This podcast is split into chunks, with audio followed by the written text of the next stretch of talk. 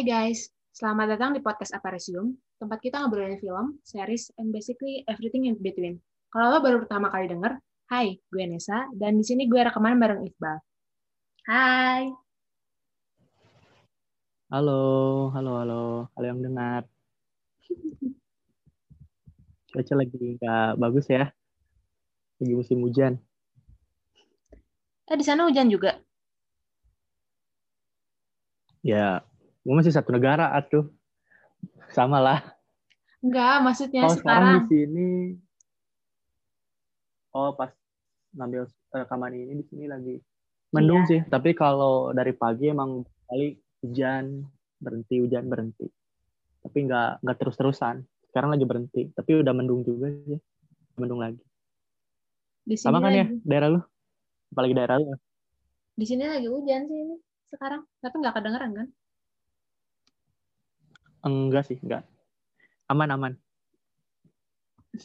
Oke. Lu Langsung ke eh, dapat berita apa aja minggu ini nih? sekarang minggu ini kan lagi lagi musim-musim awards ya. Kemarin tuh Hmm. udah ada eh, BIFA British Independent Film Awards itu udah ngumumin siapa aja yang menangnya Mm-mm. Tapi kurang menarik sih kayaknya Yang menang? bukan nominasi loh Oh, iya? mereka udah ngumumin siapa yang menangnya Oke. Terus? sama paling itu eh, Sundance hari ini udah mulai Sundance Film Sundance Festival. Festival? ya Ah, ya. yang harusnya kita Udah bisa ya? ikutan ya Oh iya, bener. sedih banget kan lo jadi. masih ikutan eh, festival yang lain, masih rental kan? Kalau gua enggak. sama baru Terus dua ada hari yang lalu ada itu ya? apa Ada apa? Ada pengumuman Piala Maya juga kan kalau di Indonesia, tapi masih belum daftar final gitu kan? Masih ada beberapa penyaringan lagi mungkin. Iya, itu mereka bilangnya calon nominasi sih. Soalnya itu 10, masih banyak Hmm. banget kan. Paling jadi setengahnya kan. Mungkin sekali, iya, sekali lagi penyaringan lah. Nggak tahu juga dilihat dari apa sih. Tapi film-filmnya emang familiar banget sih. Kayaknya eh festi- eh, bukan festival sih, maksudnya award Indonesia tahun sekarang itu hampir semua film bisa ketonton deh. Soalnya emang sedikit kan. Iya. Jadi kayaknya tahu-tahu gak aja gitu semuanya. Gak kayak tahun-tahun sebelumnya yang banyak. Jarang ada film familiar aja. festival ya tahun sekarang. Iya. Paling Kayaknya kalau ada festival film- apa? Mountain Song film festivalnya. Uh, gua belum nonton malah ke film itu. Iya. Ya karena justru karena film festival kan. Jadi susah nonton. Iya, iya itu dia. Tapi eh yang Design of Fiction itu kan bukannya awal juga film festival ya? Iya. Itu festivalnya malah tahun 2018 loh. Di Javni. Hmm. Tapi di Indonesia kemarin tuh harusnya udah rilis. Eh udah rilis ya? Emang udah rilis. Tayang di bioskop. Harus. Cuman emang ya kayaknya nggak rame juga kan? Film kayak gitu mah di Indonesia nggak akan rame lah. Lu, lu belum nonton ya? Udah. Udah. Oke. Yuk lanjut aja deh. Ada lagi yang mungkin eh, nominasi soal award-award tahun ini? Enggak deh. Kita langsung ke rekapan aja. Boleh. Mau dari siapa dulu? Gua deh. Dikit soalnya. Minggu ini dikit. Kok dikit sih dipangkas? Hmm, ya lagi itu sih. Lagi waktunya lagi dibagi-bagi tahun eh, minggu sekarang. Jadi gua nggak satu hari satu film. Ya seitunya aja. Ini mungkin minggu paling sedikit di tahun 2021 gue nonton. Perasaan gue ya. lihat kemarin lebih dari 8 film deh kayaknya. Itu minggu kemarin deh kayaknya. minggu sekarang kayaknya gue no, jarang deh nonton. Ya Iya nggak sih? coba sebutin. Oke. Em, lu inget pasti gu- lu sendiri lupa ya gue terakhir nonton apa tapi oke lah. Pertama gue nonton Susi Susanti. Lu inget gak? Lu kan sempat ngomen status gue. Iya. Iya. Kenapa? Kenapa? Lu gak setuju sama penilaian? Shock aja. Kenapa nilainya sekecil itu ya? Mungkin kalau gue lihat ya, Susi Susanti ini terlalu drama banget sih. Jatuhnya bukan nyeritain histori Susinya, tapi terlalu romance aja gitu. Dan em, pengenalan bulu tangkisnya di sini agak kurang aja, malahan lebih neken hubungan Susanti sama si sama Alannya, Alan Bulu Kusuma daripada nyeritain soal bulu tangkisnya. Kalau gue liatnya itu. Gue kan nonton itu pengen lihat biografi ke eh, Susi, eh, Susi Susanti ini gimana sih ceritanya gitu loh. Tapi gue dapetnya malah drama romansnya gitu. Makanya gue kurang terlalu suka. Setuju gak lo? Oke. Em, film ini gue kasih nilai berarti kalau tiga kalau hitungannya per lima ya. Lanjut, gue nonton masih di Disney Plus sejuta sayang untuknya. Ternyata seru juga ya. gue gak nyangka loh. Sebenarnya pernah ini uh, ada temen gue yang nanya, dia tuh berlangganan Disney Plus ya. Terus dia nanya, film Indonesia yang pantas gitu, yang cocok, yang seru ditonton di Plus apa sih? Gue kan nggak tahu ya ada film ini, maksudnya gue nggak sempat ngerekomendasi. Nah dia tuh terus nonton terus aja gitu, nggak nggak lama dia malah ngere eh, ngerekomendasiin balik. Ada film judulnya Sejuta Sayang Untuknya katanya. Kata dia seru seru banget. Gue pertama lihat posternya dulu. Kok ini simpel banget ya poster. Cuman ada ya ada di Mizur sama si Paju doang kan. Iya. Pertama nggak nggak terlalu tertarik. Tapi gua cek-cek di Disney Plus, ah nyoba aja dulu nonton, kali aja suka. Ternyata emang sederhana tapi kena gitu loh filmnya itu. Di Twitter juga sempat ramai kan? Nah, kayaknya gue ketinggalan hype-nya deh waktu rame di Twitter. Makanya gue nggak terlalu tahu soal film ini. Kayaknya gue Oke. ketinggalan deh. Nah, ini gue kasih Lu follow 3,5. siapa aja sih? Di Twitter, gue Twitter lebih banyak akun bolanya, Nes, daripada film. Makanya Pantesan. sering tutup gitu. Jadi nggak balance lah kayaknya. Kurang nih kayaknya. eh yang malahan yang kemarin tuh yang akun Twitter film yang ngerekomendasiin film-film yang kata lu bisa dibilang nggak terlalu rame tapi dia ang- selalu angkat gitu. Iya. Nah, itu aja kan gue belum follow, belum tahu. Tahunya dari lu. Makanya gue pikir timeline Twitter gue belum terlalu balance deh Twitter eh, soal film sama olahraga. Masih berat ke olahraganya. Bikin dua akun aja. Ah enggak, gue gak suka alter-alteran lah, capek. Satu aja nggak keurus. Gitu ya. Sejuta sayang untuknya berarti gue ngasih nilai 3,5. Nah ini satu series minggu ini lumayan juga sih ada seriesnya. Itu Alice in Wonderland. Wah mantap ini. Ini baru salah satu series yang kayaknya gue suka deh tahun ini. Sebenarnya ini rilisnya tahun kemarin ya. Cuman baru gue tonton aja. Lu sempat nonton sih? Belum ya? Udah. Udah. Lu sendiri suka nggak sama seriesnya? Seru sih. Ada tapinya? Nggak ada tapinya, cuma nggak masuk 10 besar aja kemarin. Oh iya ya. Setelah tahun kemarin Seru kok, oke, cuman nggak masuk kalau disebut sebagai 10 besar, belum deh. Gitu. Oh, oke. Kayaknya ini masuk 10 besar sih. Mungkin. Soalnya nggak tahu sih. Tahun ini kayaknya bakal sering nonton series ya. Alice in Wonderland, gue ngasih nilai 4 per 5. Lanjut. eh ini ada satu film Netflix nih yang kemarin pemain baru juga. Itu Outside the Wire. Yang mainnya itu ada Anthony Mackie. Itu Falcon. Ya. Soal kayak robot gitu sih ini dia pem, uh, buatan Amerika tapi dia itu lebih ke memberontak kalau misalnya Amerika ngembangin robot-robot kayak dia itu bisa jadi Amerika ngancurin dunia gitu loh jadi si robot ini tuh yang diperanin sama Anthony Mackie malah nyerang balik Amerika buat mau ngenuklir Amerika. Gitulah ceritanya. Kurang lebih ya. Oh Makanya dia jadi seru. robotnya? Mm-mm, di sini tuh dia kayak robot gitu. Bukan manusia lah intinya. Disebut robot juga nggak kelihatan kayak robot tapi dia emang bukan manusia. Itu lumayan seru. Asik sih kalau gue yang suka action. Gue ngasih nilai 3,5 nah ini terakhir gue sebenarnya ini random ya nonton. Judulnya The Wall of Snow Hollow.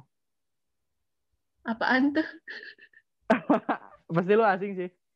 Ini sebenarnya gue bener-bener random waktu itu nyari rekomendasi yang kebetulan ya udahlah posternya sih lumayan aneh makanya gue tonton.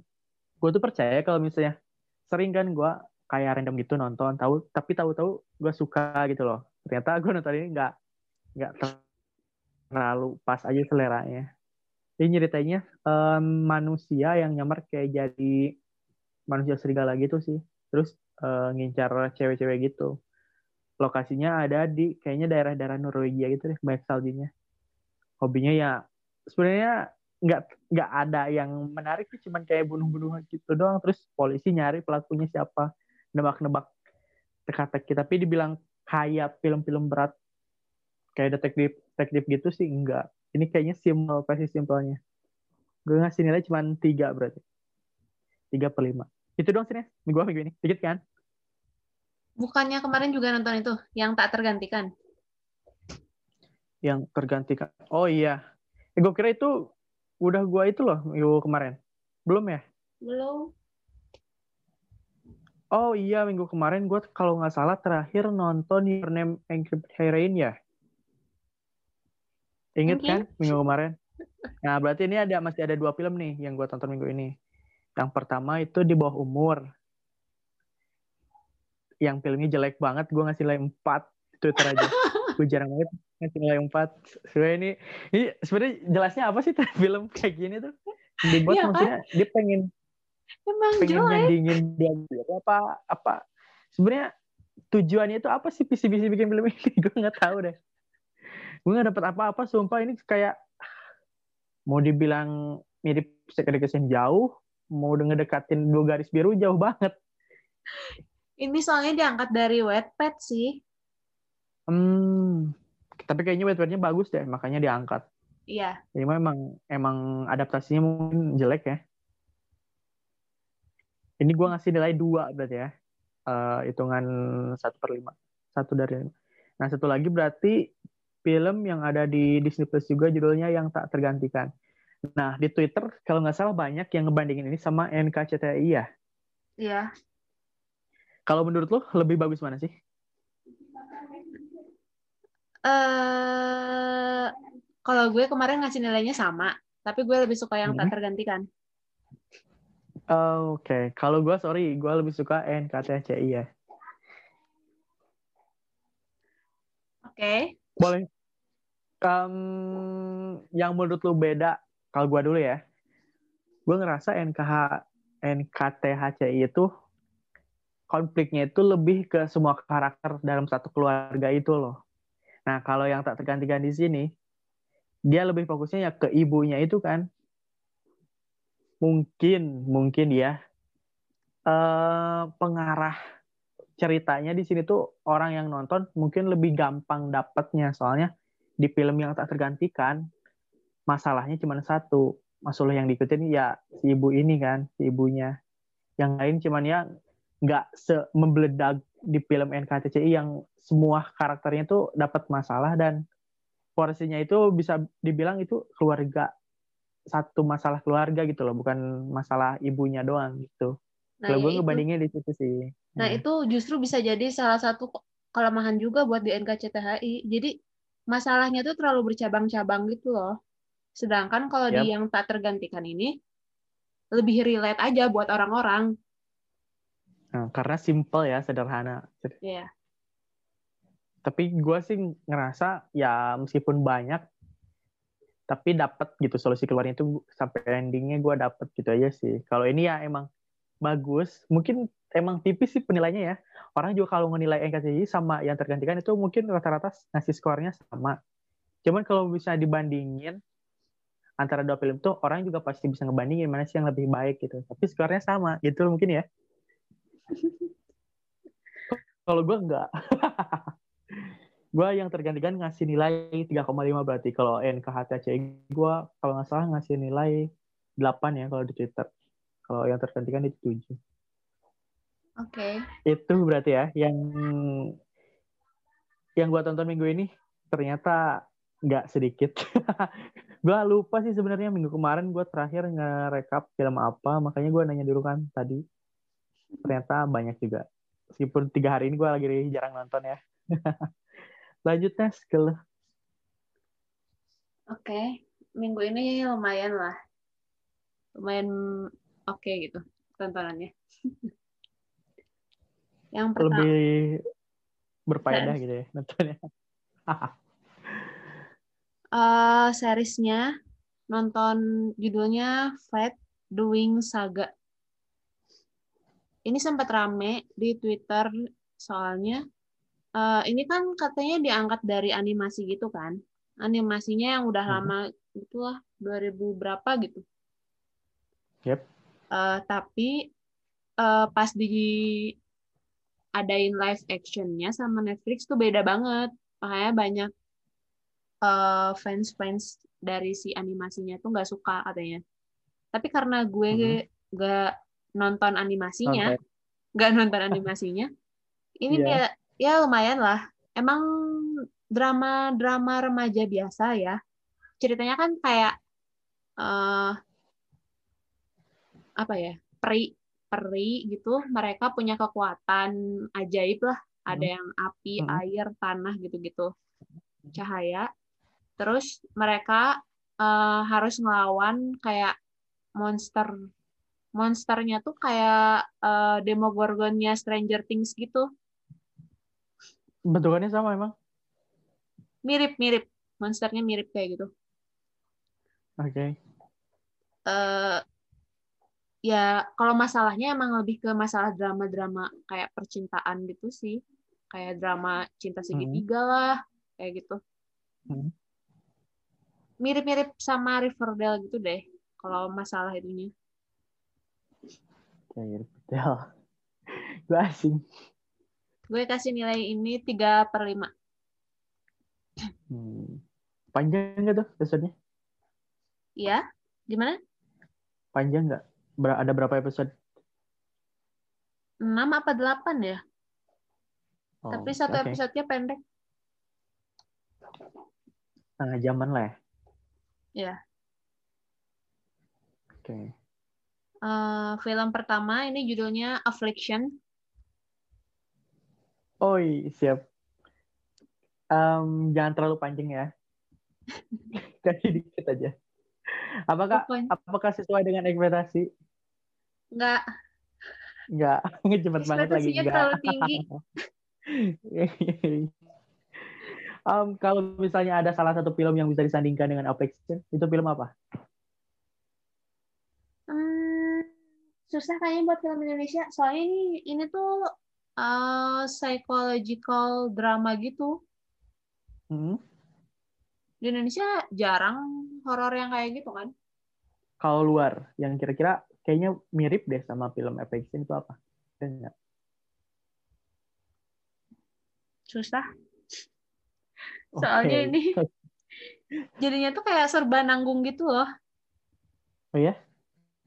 Uh, si ini tuh kan kayaknya si tadinya tuh pengennya tuh pengen bikin horornya tuh psychological gitu kan tapi mm-hmm. Lebih banyak dramanya banget lah. Daripada horor horornya ya? Iya. Kayaknya mungkin orang-orang yang uh, tapi udah buat tanggung sih. Kayak baru tonton juga. Oh, di Twitter kan banyak ya yang yang nilai bagus. Mungkin itu orang yang dapat endorse doang ya dari Netflix atau Oh iya, ini ya, tuh kan di awal-awal tuh kan uh, lebih mir agak-agak mirip sama Hereditary ya.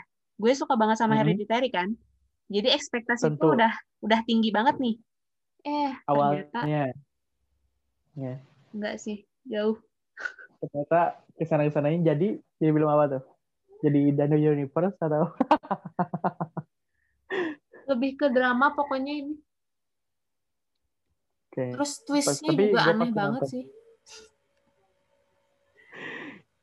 Tapi Raihanonnya di sini bagus. Oke, Raihanon kapan sih nggak bagus? ya udahlah. Takut spoiler kalau lama. 3 per 5. Yep.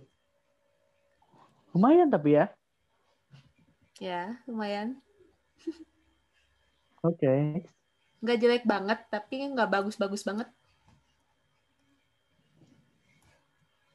ukuran uh, untuk uh, ada unsur horornya itu di Indonesia standar lah ya maksudnya.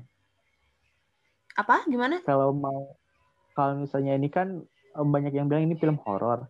Nah, mungkin untuk film Indonesia, film horor Indonesia ini ukurannya standar. Ya kalau misalnya dibandingin sama yang jelek kan banyak tuh horor Indonesia yang jelek. Nah, ini mungkin standarnya gitu. Dibilang yeah. bagus kayak keramat atau pengabdi setan enggak, tapi standar lah ini gitu. Iya nggak sih?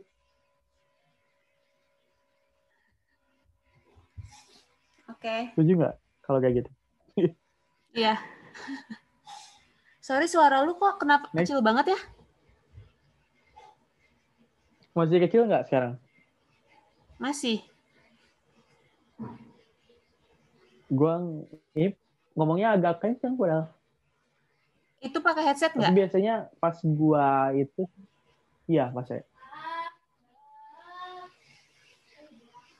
Ya udah deh, lanjut aja. Oke, okay, silakan. Film selanjutnya nih, uh, ini gue suka nih, White Tiger. Film oh. India, White Tiger. Tidak boleh spoiler lagi ya. ya, pokoknya kalau suka sama Parasite, mungkin bisa suka sama ini. Wow, bau-bau film yang buat banyak berpikir nih.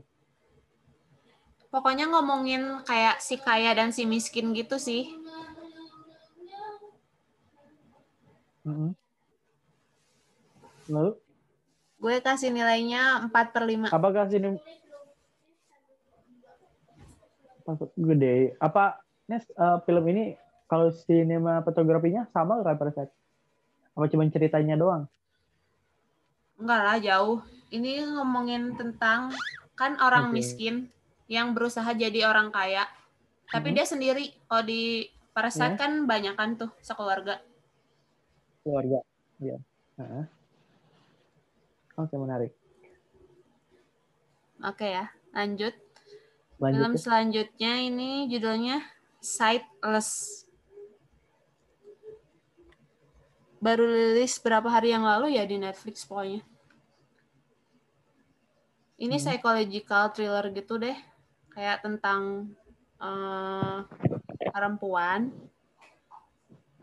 Uh, dia tuh hmm. kan pemain biola gitu, tapi suaminya tuh uh, hmm.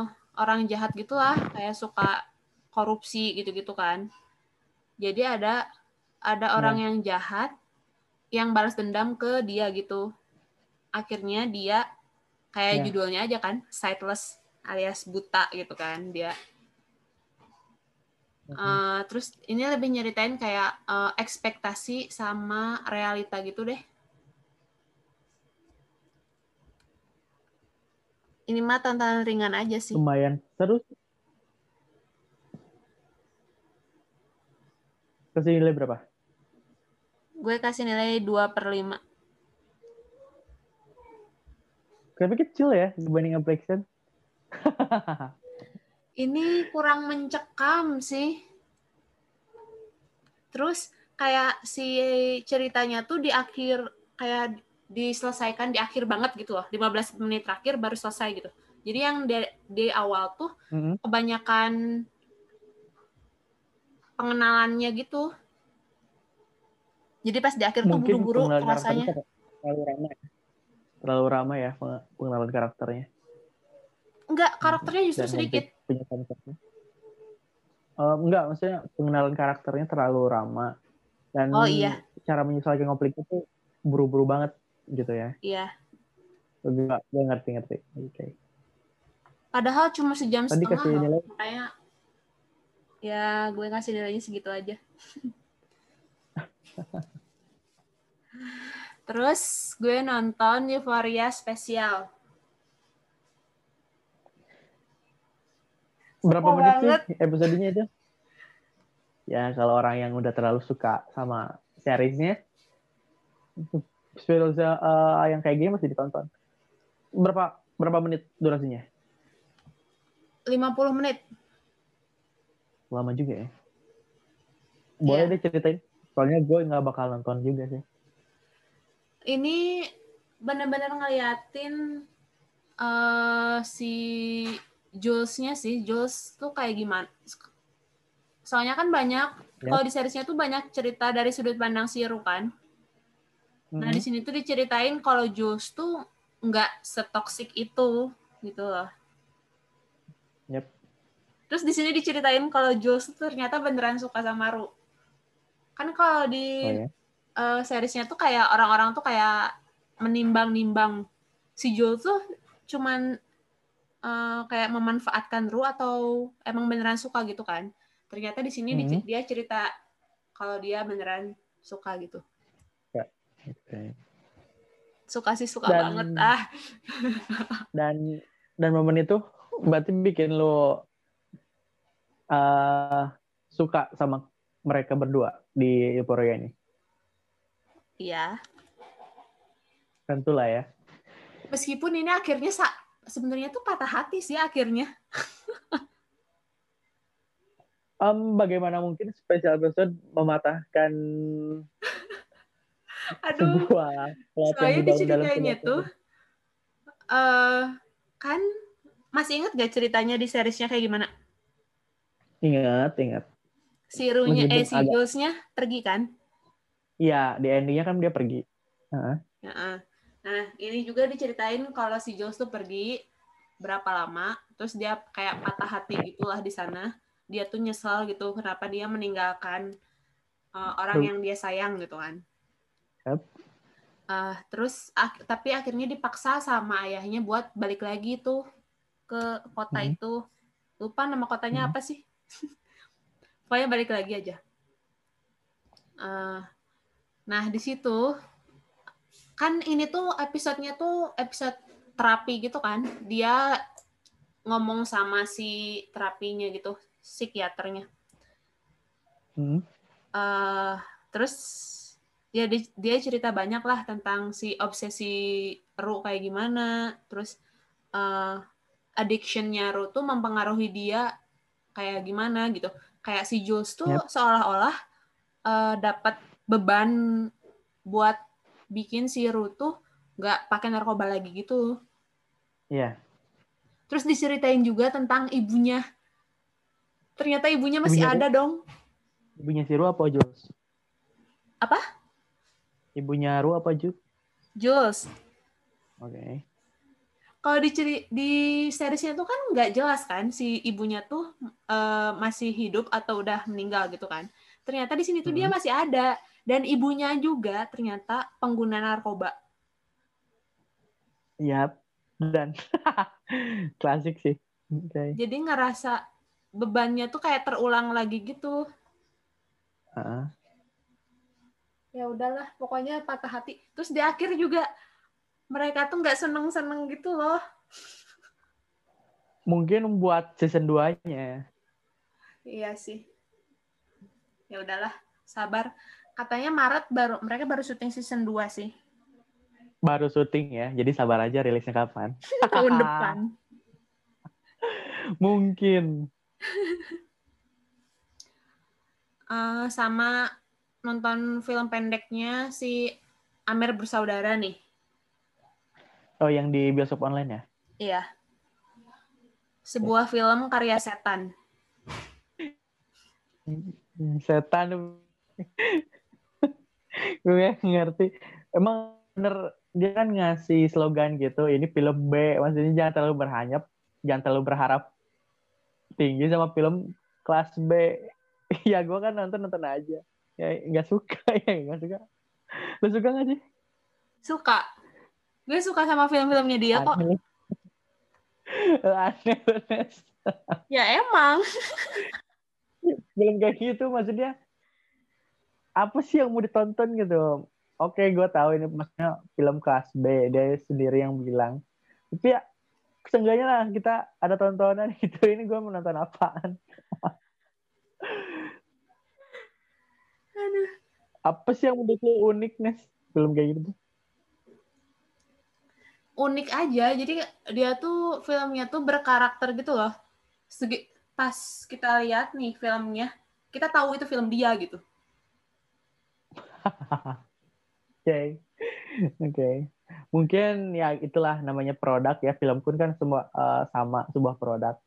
Target marketing, ada yang targetnya, ada yang ah gitulah ya simpelnya. Kita menyimpulkannya. Udah. Udah sih segitu. Eh, udah ya dari rekaman lo. Oke, jadi minggu ini kita bakal lebih lanjutnya nggak bakal eh, nge-review soal film ya.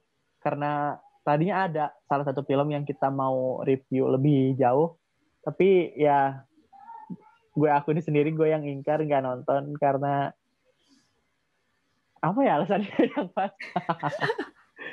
ya mungkin belum sempet ketonton aja lah gitu. Yang pasti gue pasti pasti nonton, tapi belum sempet ketonton aja dan kita baru harus rekaman lagi. Nah, buat ngalihin isu ini, kita udah nentuin satu pembahasan yang kita ketawain. udah ngalihin oh, buat ngalihin isu ini kita langsung dapet masih rekomendasi dari Nesa juga. Kita mau ngomongin soal kalau gue salah pe- pengucapan kasih tahu ya. Film Independent Spirit Award nomination. Bener nggak? Iya, iya. Nggak.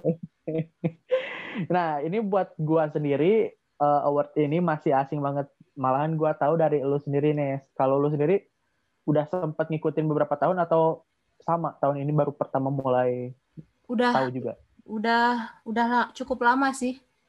Dan tahun Hmm. kemarin rame banget padahal loh. Masa nggak sempat lihat sih? Enggak, enggak beneran. Di timeline Twitter, gue retweetin berapa kali loh itu.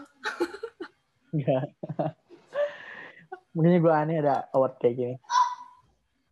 Eh, nah, gua untuk eh orang yang awam ya soal award ini, lo yang udah beberapa tahun lah ngikutin, kasih dong gua penjelasan sebenarnya ini tuh award yang bikin beda sama Oscar atau eh, award yang lain itu apa sih nih? Definisinya kayak gimana sih award ini tuh?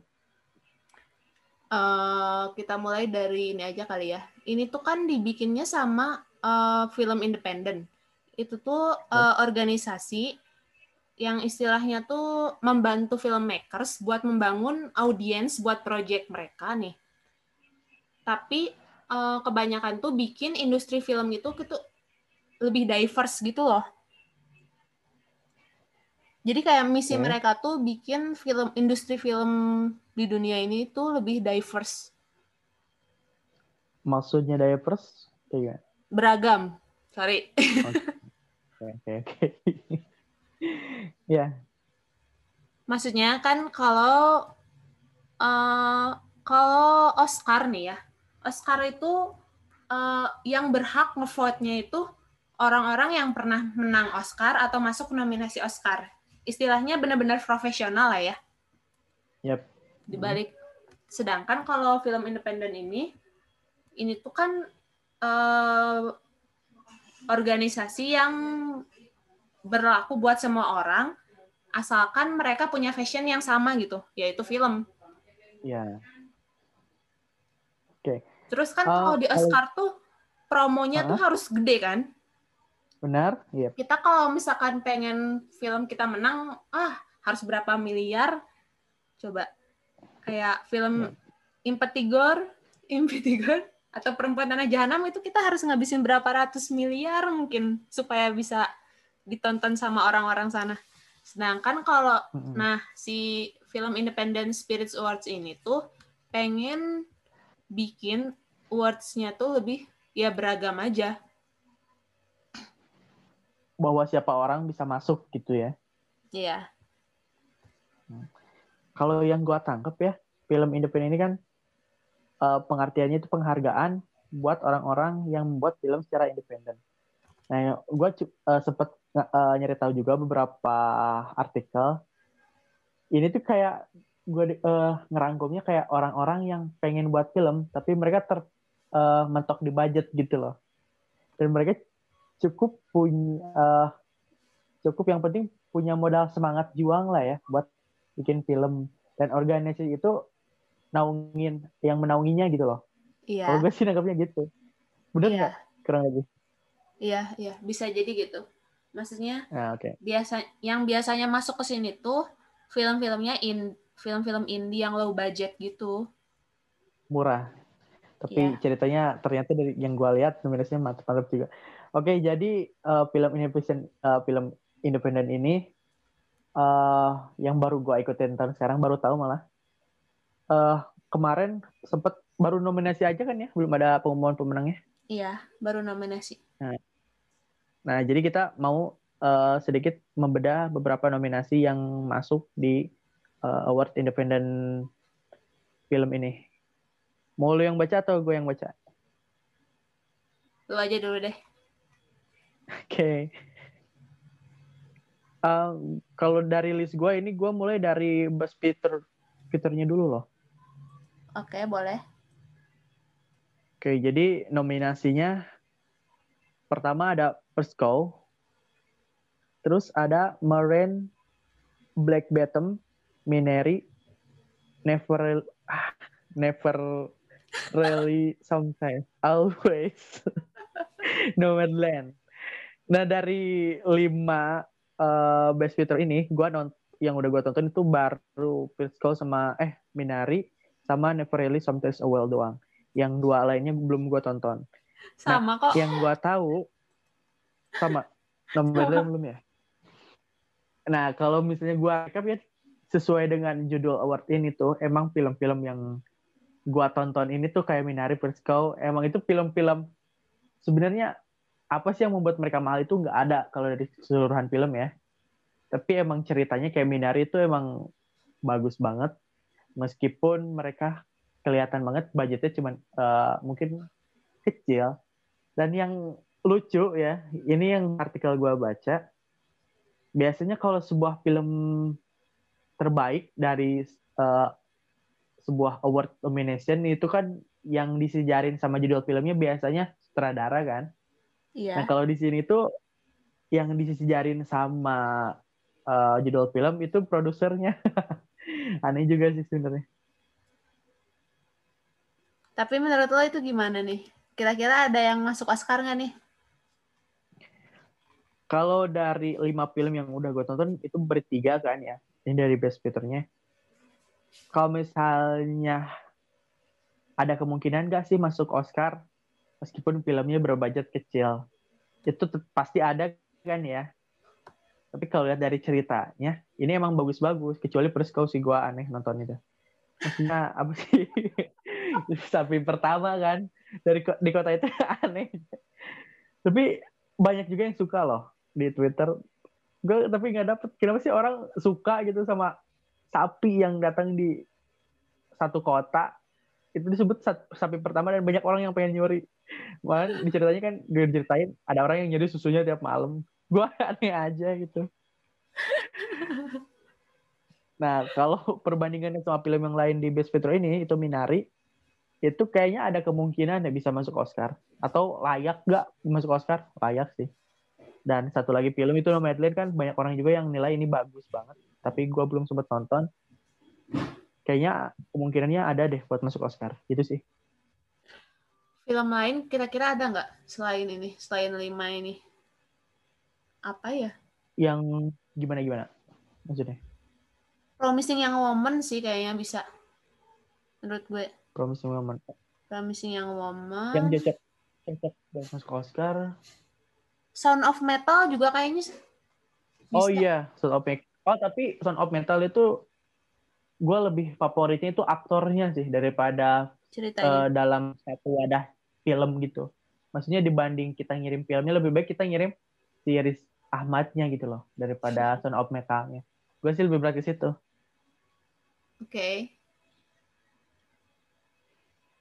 Tapi biasanya yang lain biasanya yang menang Kenapa? best future best future di ini Spirit Awards itu eh, nggak menang di Oscar justru. Soalnya tahun kemarin tahun kemarin tuh The Farewell eh, mereka menang.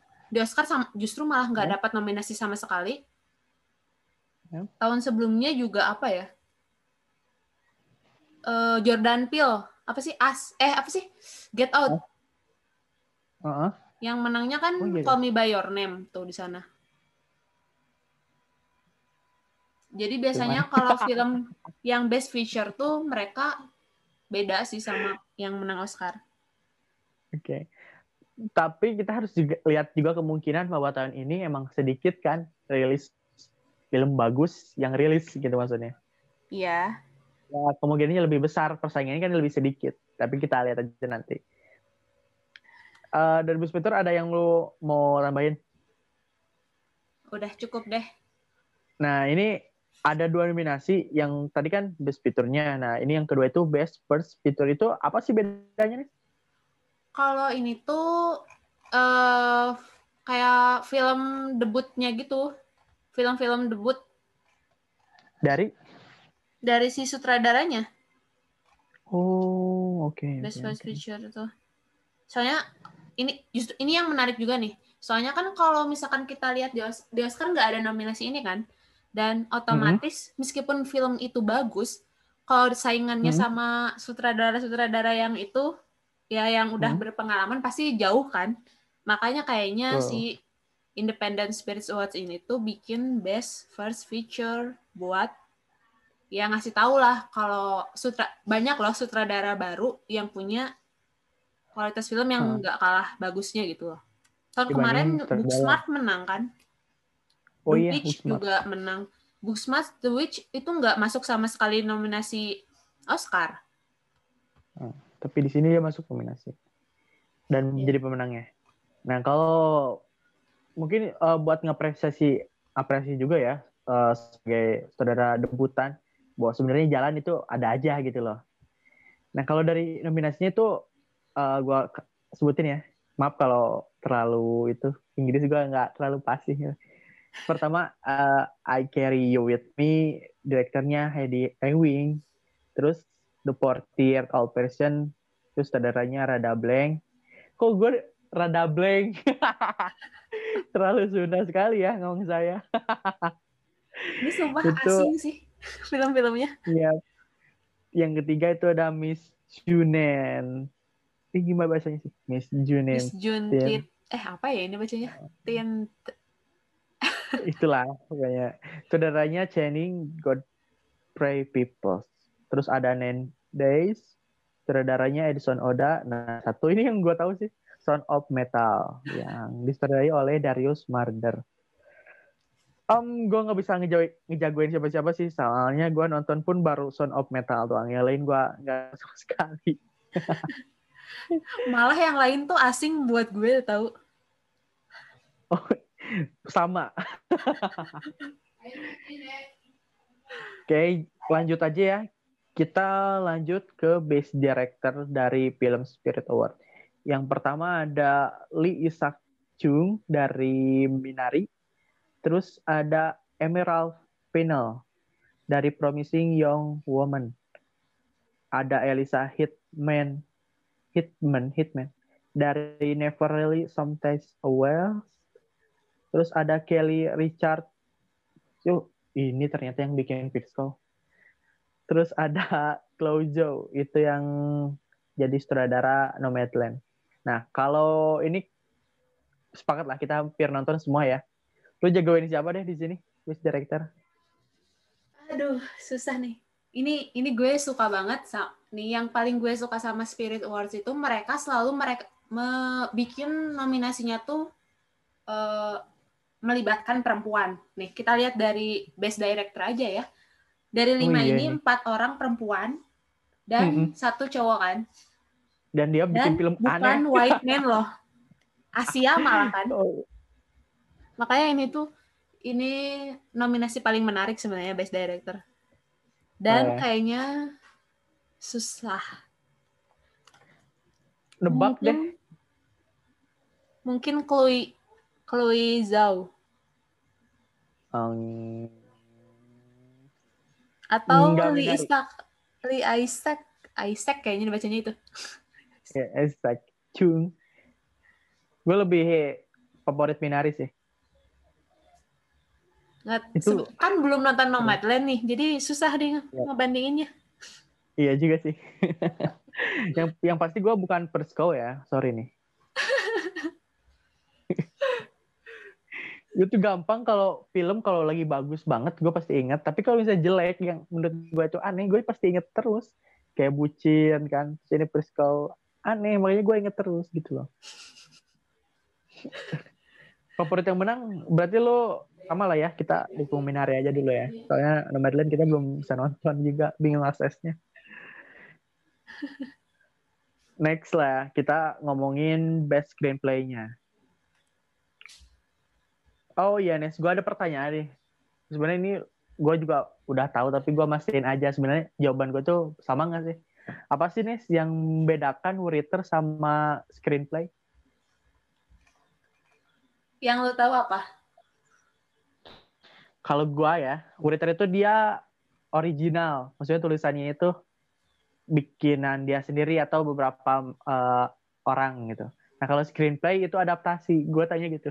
Iya, iya. Ya itu benar. Bener nggak? Benar kok. Oke oke oke oke. Ternyata jawaban gue selama ini tidak salah.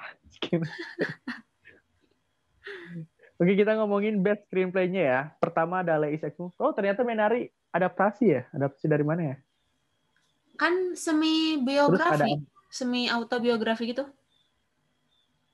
Hmm, Kan itu masuknya adaptasi oh dong. iya. Oh iya iya benar-benar jangan dari kisah nyata ya. Iya. Gue lupa.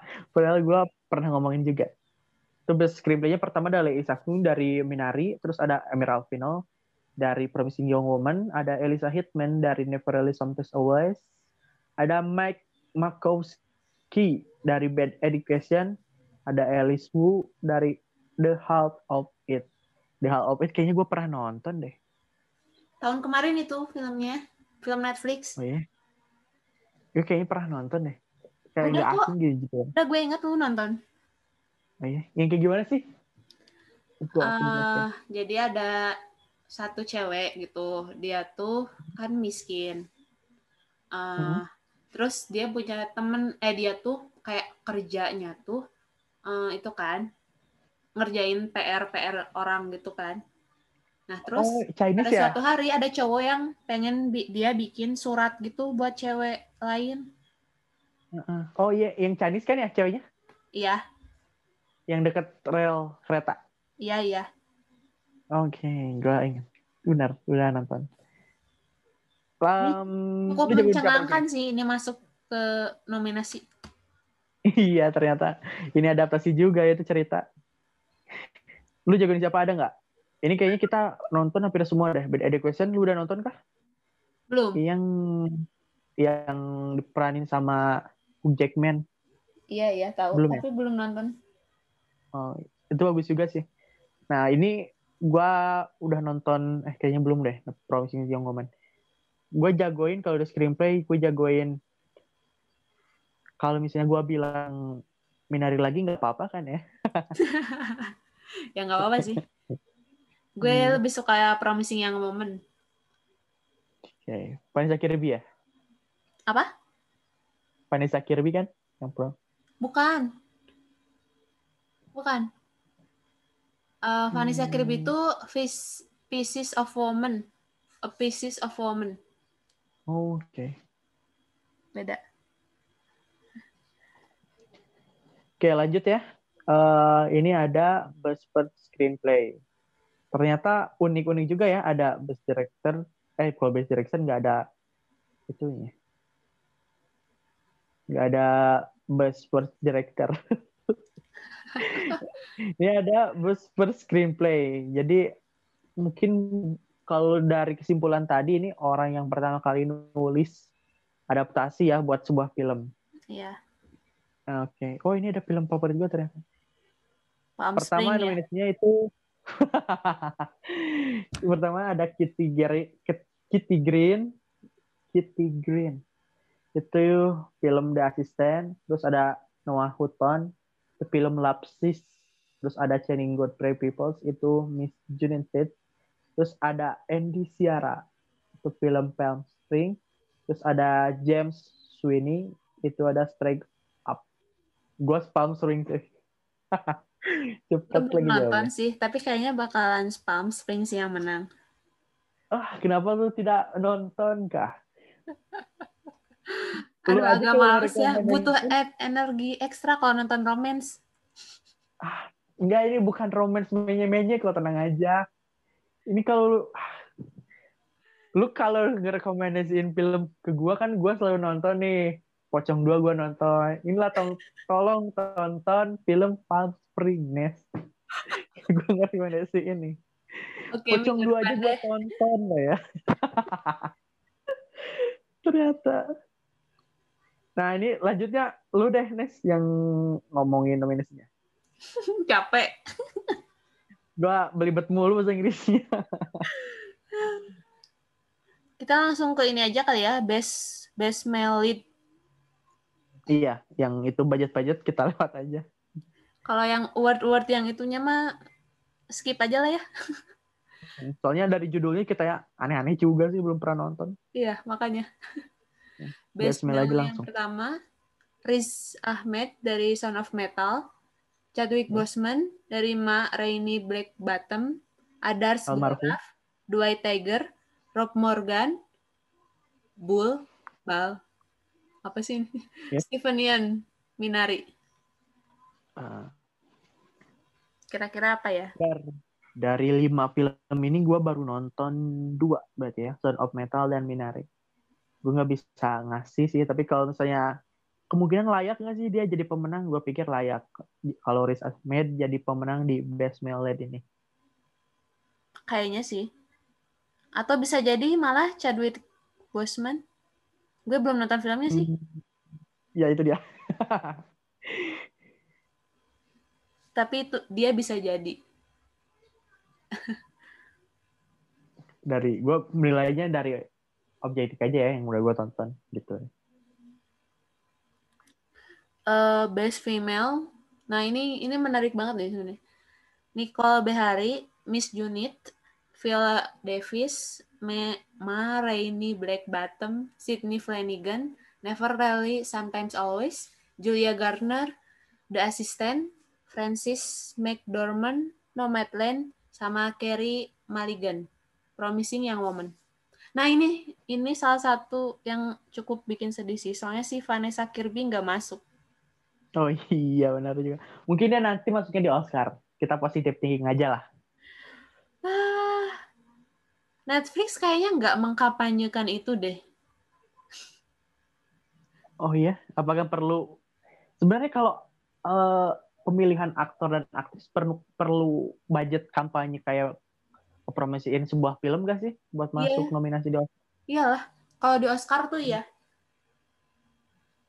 Penontonnya kayaknya sepi deh, Pieces of Woman.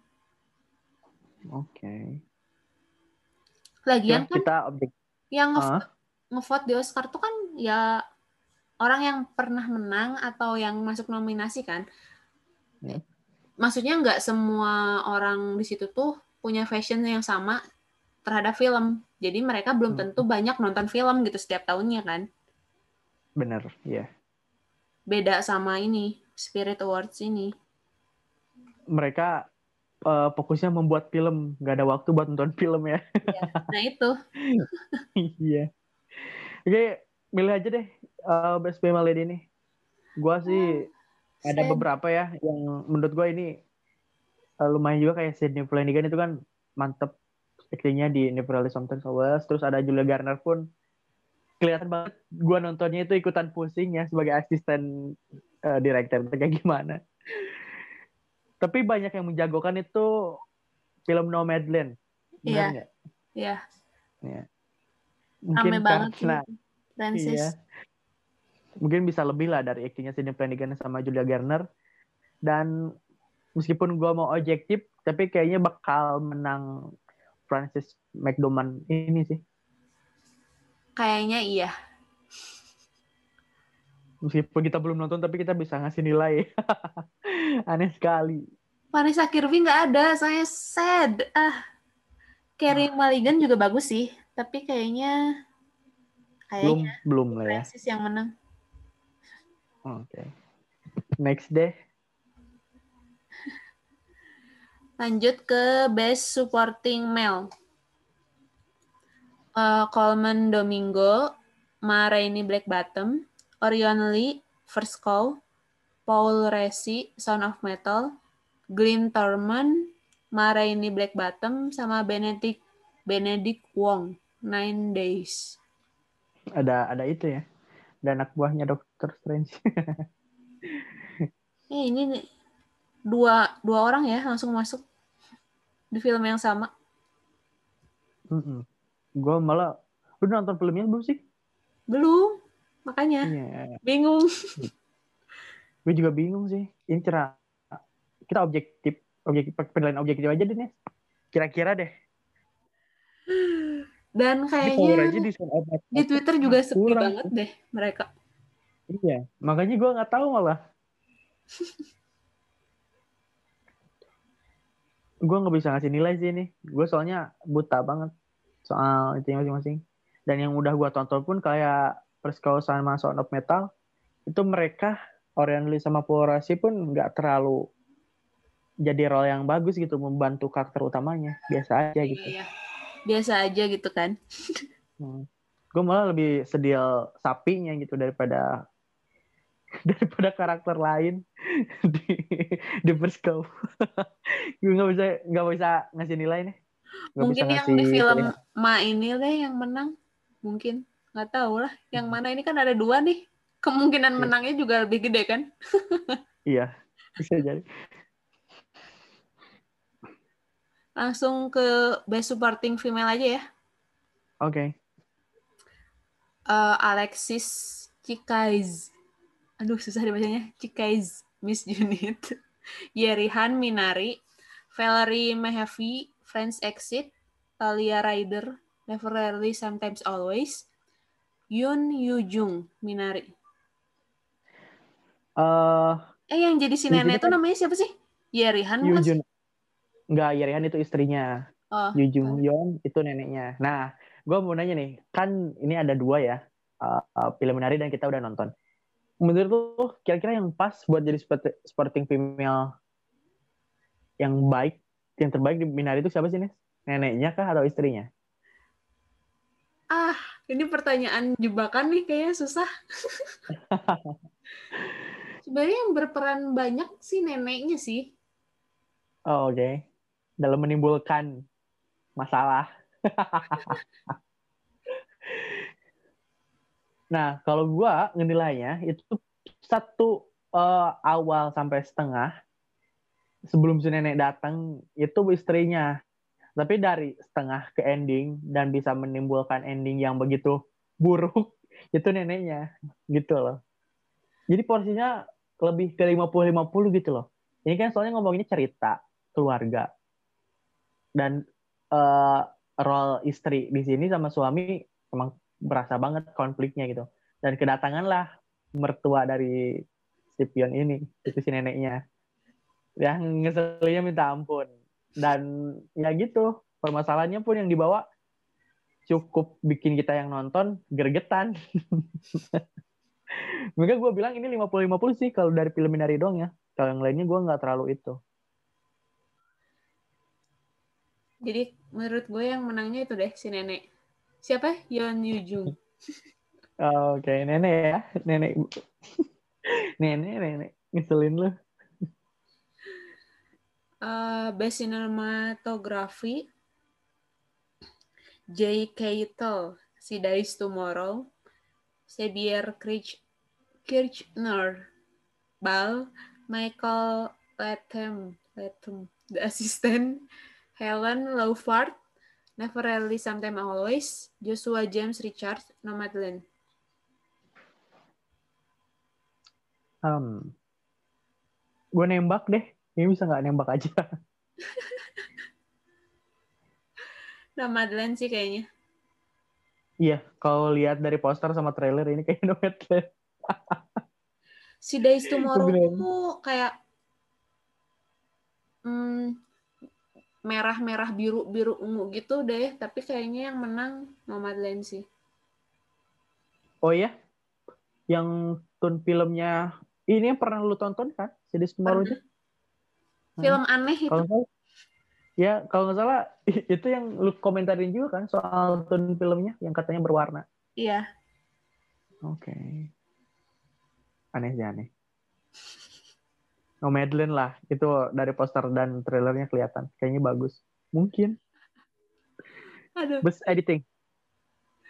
Best editing, Andy Kenny, The, In The Invisible Man, Scott Cummings, Never Really, Sometimes Always, Merawi Jerima, Residue, Enat CD, I Carry You With Me, Chloe Zhao, Nomadland. Um, emang Wah, keren juga ini itu... si Chloe si Chloe dari director sekaligus director. editor ya. Iya. Tapi Nes, ini The Invisible Man emang dia film low budget ya? Perasaan itu film mewah deh. iya sih, tapi kan penontonnya sedikit. Uh, ya meskipun penuh sedikit, tapi tampilan ya nggak tahu juga sih. Tapi lihat lagi ya, ini judulnya Independent Award, bukan low budget award ya. nah itu. Kan independen sendiri tuh maksudnya tuh kayak uh, si sutradara tuh pengen bikin film apa yang dia pengen gitu loh. Iya gue ngerti. Nah. jadi nggak semuanya harus low budget kayaknya. Tuh jadi jagoan lu siapa nih di best editing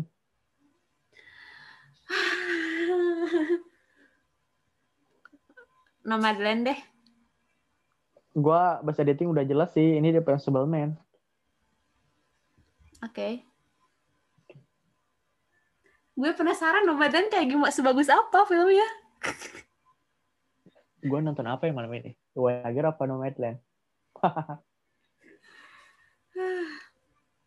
Terus lanjut ada Best International Film ya. Ini kita mau diomongin apa nggak usah? Soalnya udah jelas filmnya.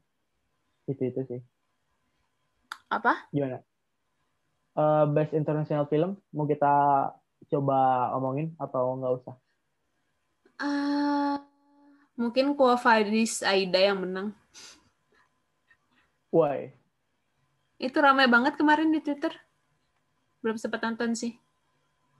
Gue pernah mau, cuman katanya ini belum ada sub Indonya. Gue nggak nonton. Terus ada best dokumentari ini dari list nominasinya pun kita masih asing ya. Ah, apalagi. Itu asing banget sih. Nah, ini nih yang menarik tuh tahun ini baru ada penghargaan buat series. Oh iya. Ada Best New Scripted, uh, Best New Non-Scripted. Oh, ini hampir sama kayak emis juga ya berarti kalau banyak gini? Iya ya, ini hampir semua dari directed, uh, male, female, terus sporting, sporting nggak ada deh. Maksudnya banyak banget ya nih. Iya makanya. um, karena ini kalau dari judul-judul ada sebagian yang udah ditonton belum? Kalau yang new scripted udah, ada sebagian udah. Hmm, Oke. Okay. Gue ini baca dari judulnya masih pada asing sih, belum yang gue tonton. Lu kan yang series. Enggak, sekarang udah lumayan. Tapi series yang gue tonton pasti budgetnya gede. Soalnya hype-nya gede. Sedikit Kayaknya. deh, uh, gimana menurut tuh soal penilaian Independent Award ini di di apa ya di bidang seriesnya? Menurut lu gimana? Hmm. Dari apanya ini? Dari segi Ini seriesnya Uh, emang emang yang underrated gitu sih. A Teacher, I May Destroy You, Luther America. uh, Small X belum nonton sih. Unorthodox juga belum. Tapi ini ini sempat rame di Twitter. Yep. Mungkin yang menang I May Destroy You sih. Soalnya ini ini series penting banget. Tapi berat. Soalnya ngomongin kayak korban kekerasan seksual gitu. Oh, oke. Itu berat mungkin kalau kita lihatnya dari sudut penonton Indonesia. Iya. ya makanya nontonnya harus pas lagi happy-happy gitu. Biar nggak Oke. stres. Em, jadi eh, dari eh, ada beberapa sebenarnya nominasi dari Independent Spirit Award ini, cuman kita nggak bisa ngomongin soalnya selain karena di sini yang bisa nilai cuman Nesa doang. ya. Dan itu pun nggak semua Nesa tonton ya Nes, meskipun lu suka banget sama nonton series. Apalagi gua yang nonton seriesnya jarang-jarang, kebanyakan bolongnya kayak sholat.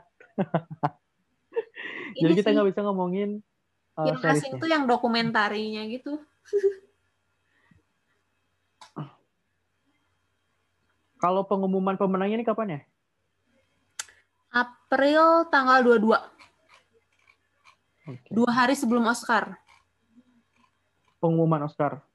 Ya, Apa penyelenggaraan Oscar? penyelenggaraan maksudnya. Oh iya, Oscar April ya? Iya. Dua Katanya. dua berarti Kalau nggak Hmm. diundur lagi. berarti pas bulan puasa dong ya kalau di Indonesia hitungannya. Oh iya juga ya. Mm-mm. Ini Os- kita nanti nonton Oscar bulan puasa. Keren juga. Oke.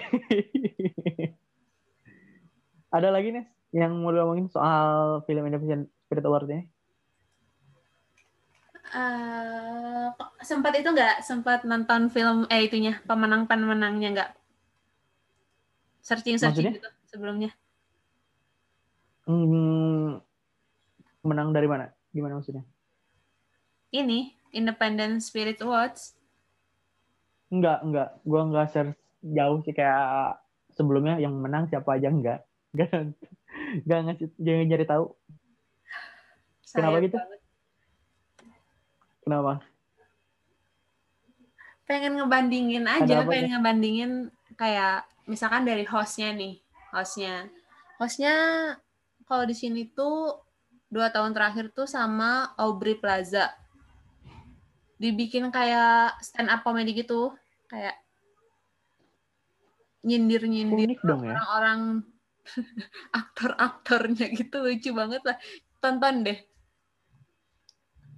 Oh, jadi ngebahas satu persatu nominasi yang ada di sini gitu. nggak Biasa. semuanya cuman eh, yang menonjol sama dia suka dijadiin bahan Oh, lumayan lumayan, lumayan deh kayaknya. makanya Tapi nonton stand up kalau misalnya nggak ada subtitle Indonesia juga percuma sih.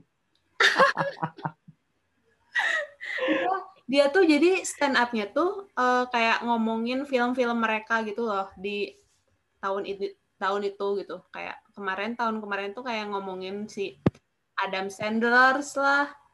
Yang by the way Adam Sandler kan kemarin menang nih di sini Best Actor. Sedangkan di Oscar sama sekali nggak dapat nominasi kan. Uncut Gems. Di Uncut Game iya.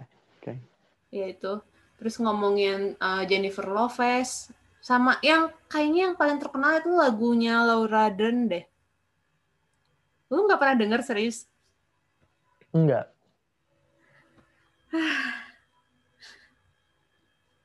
oke kayaknya habis ini lu searching searching itu Hmm. Kayaknya gue lebih tertarik Oscar deh. Film independen. Ngikutinnya setahun sekali aja pas mau penyelenggaraan. Mungkin. justru ini tuh uh, menurut gue lebih baik dalam tanda kutip daripada Oscar Oke. Tidak Dan masalah. banyak- Tidak uh, filmmaker juga banyak yang bilang gitu sih. Soalnya Oscar tuh terlalu terlalu white people banget, Kapitalis. kecuali tahun kemarin aja Iya. mereka yang menang. ya terlalu kapitalis Hmm, ayo cukup cari nggak tahu cukup tentang nggak cukup nggak seru tahu. cukup nggak Menyimak Oke oke nanti gue coba eh, lima tahun terakhir deh cari eh, beberapa nominasi sama pemenangnya. Saya kira unik ya apa sebenarnya film-film yang gue tonton juga nggak masuk ke Oscar tapi dia sebenarnya ada di sini gitu loh. Dan lihat perbandingannya sama tahun sekarang. Mungkin seru juga. Tontonnya di YouTube aja. Jadi si soalnya mereka pembawaannya tuh lucu. Nggak se eh, kaku Oscar lah ya. Iya. Oscar tuh serius Oke. banget. Nomor satu kan? Quote nomor satu katanya. Kayaknya nih kalau dibandingin sama di Indonesia tuh kayak FFI versus Piala Maya gitu deh. FF. Oh iya. Ya kan Piala Maya tuh yang yang ngadainnya kan orang-orang yang punya fashion terhadap film itu sendiri kan. Hmm. Malah mereka ngundang eh maksudnya mereka eh, mengundang blogger-blogger buat ikut Hmm. eh, menilai ya ikut voting gitu. Sedangkan Hmm. kalau FFI kan bener-bener pure filmmaker kan. Hmm. Makanya kemarin Iya juga. sempat rame juga. Udah lama sih. Tapi sempat rame juga kalau ya FFI yang menang itu-itu aja gitu. Yang masuk nominasi gitu. Tapi kalau di Indonesia, menurut gua FFP sama Piala Maya nominasinya nggak jauh beda deh. Iya, jauh beda. Enggak, maksudnya enggak enggak jauh beda. Ada beberapa film yang sama gitu. Kalau dibandingin sama mungkin film Independent Spirit Award ini sama Oscar, kelihatan banget kan jauh bedanya. Malah bisa jadi yang tadi kita ngomongin di sini menang, tapi dia di Oscar belum tentu masuk nominasi sekalipun. Iya. Kalau Piala Maya sama FFP masih terbilang kurang lebih sama gitu deh. Seenggaknya mereka yang voting tuh beneran orang-orang yang passion terhadap film gitu loh. mengapresiasinya di sebelah situ ya. Oke.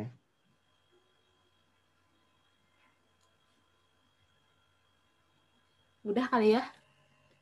Cukup gua soal film Independent Spirit Award.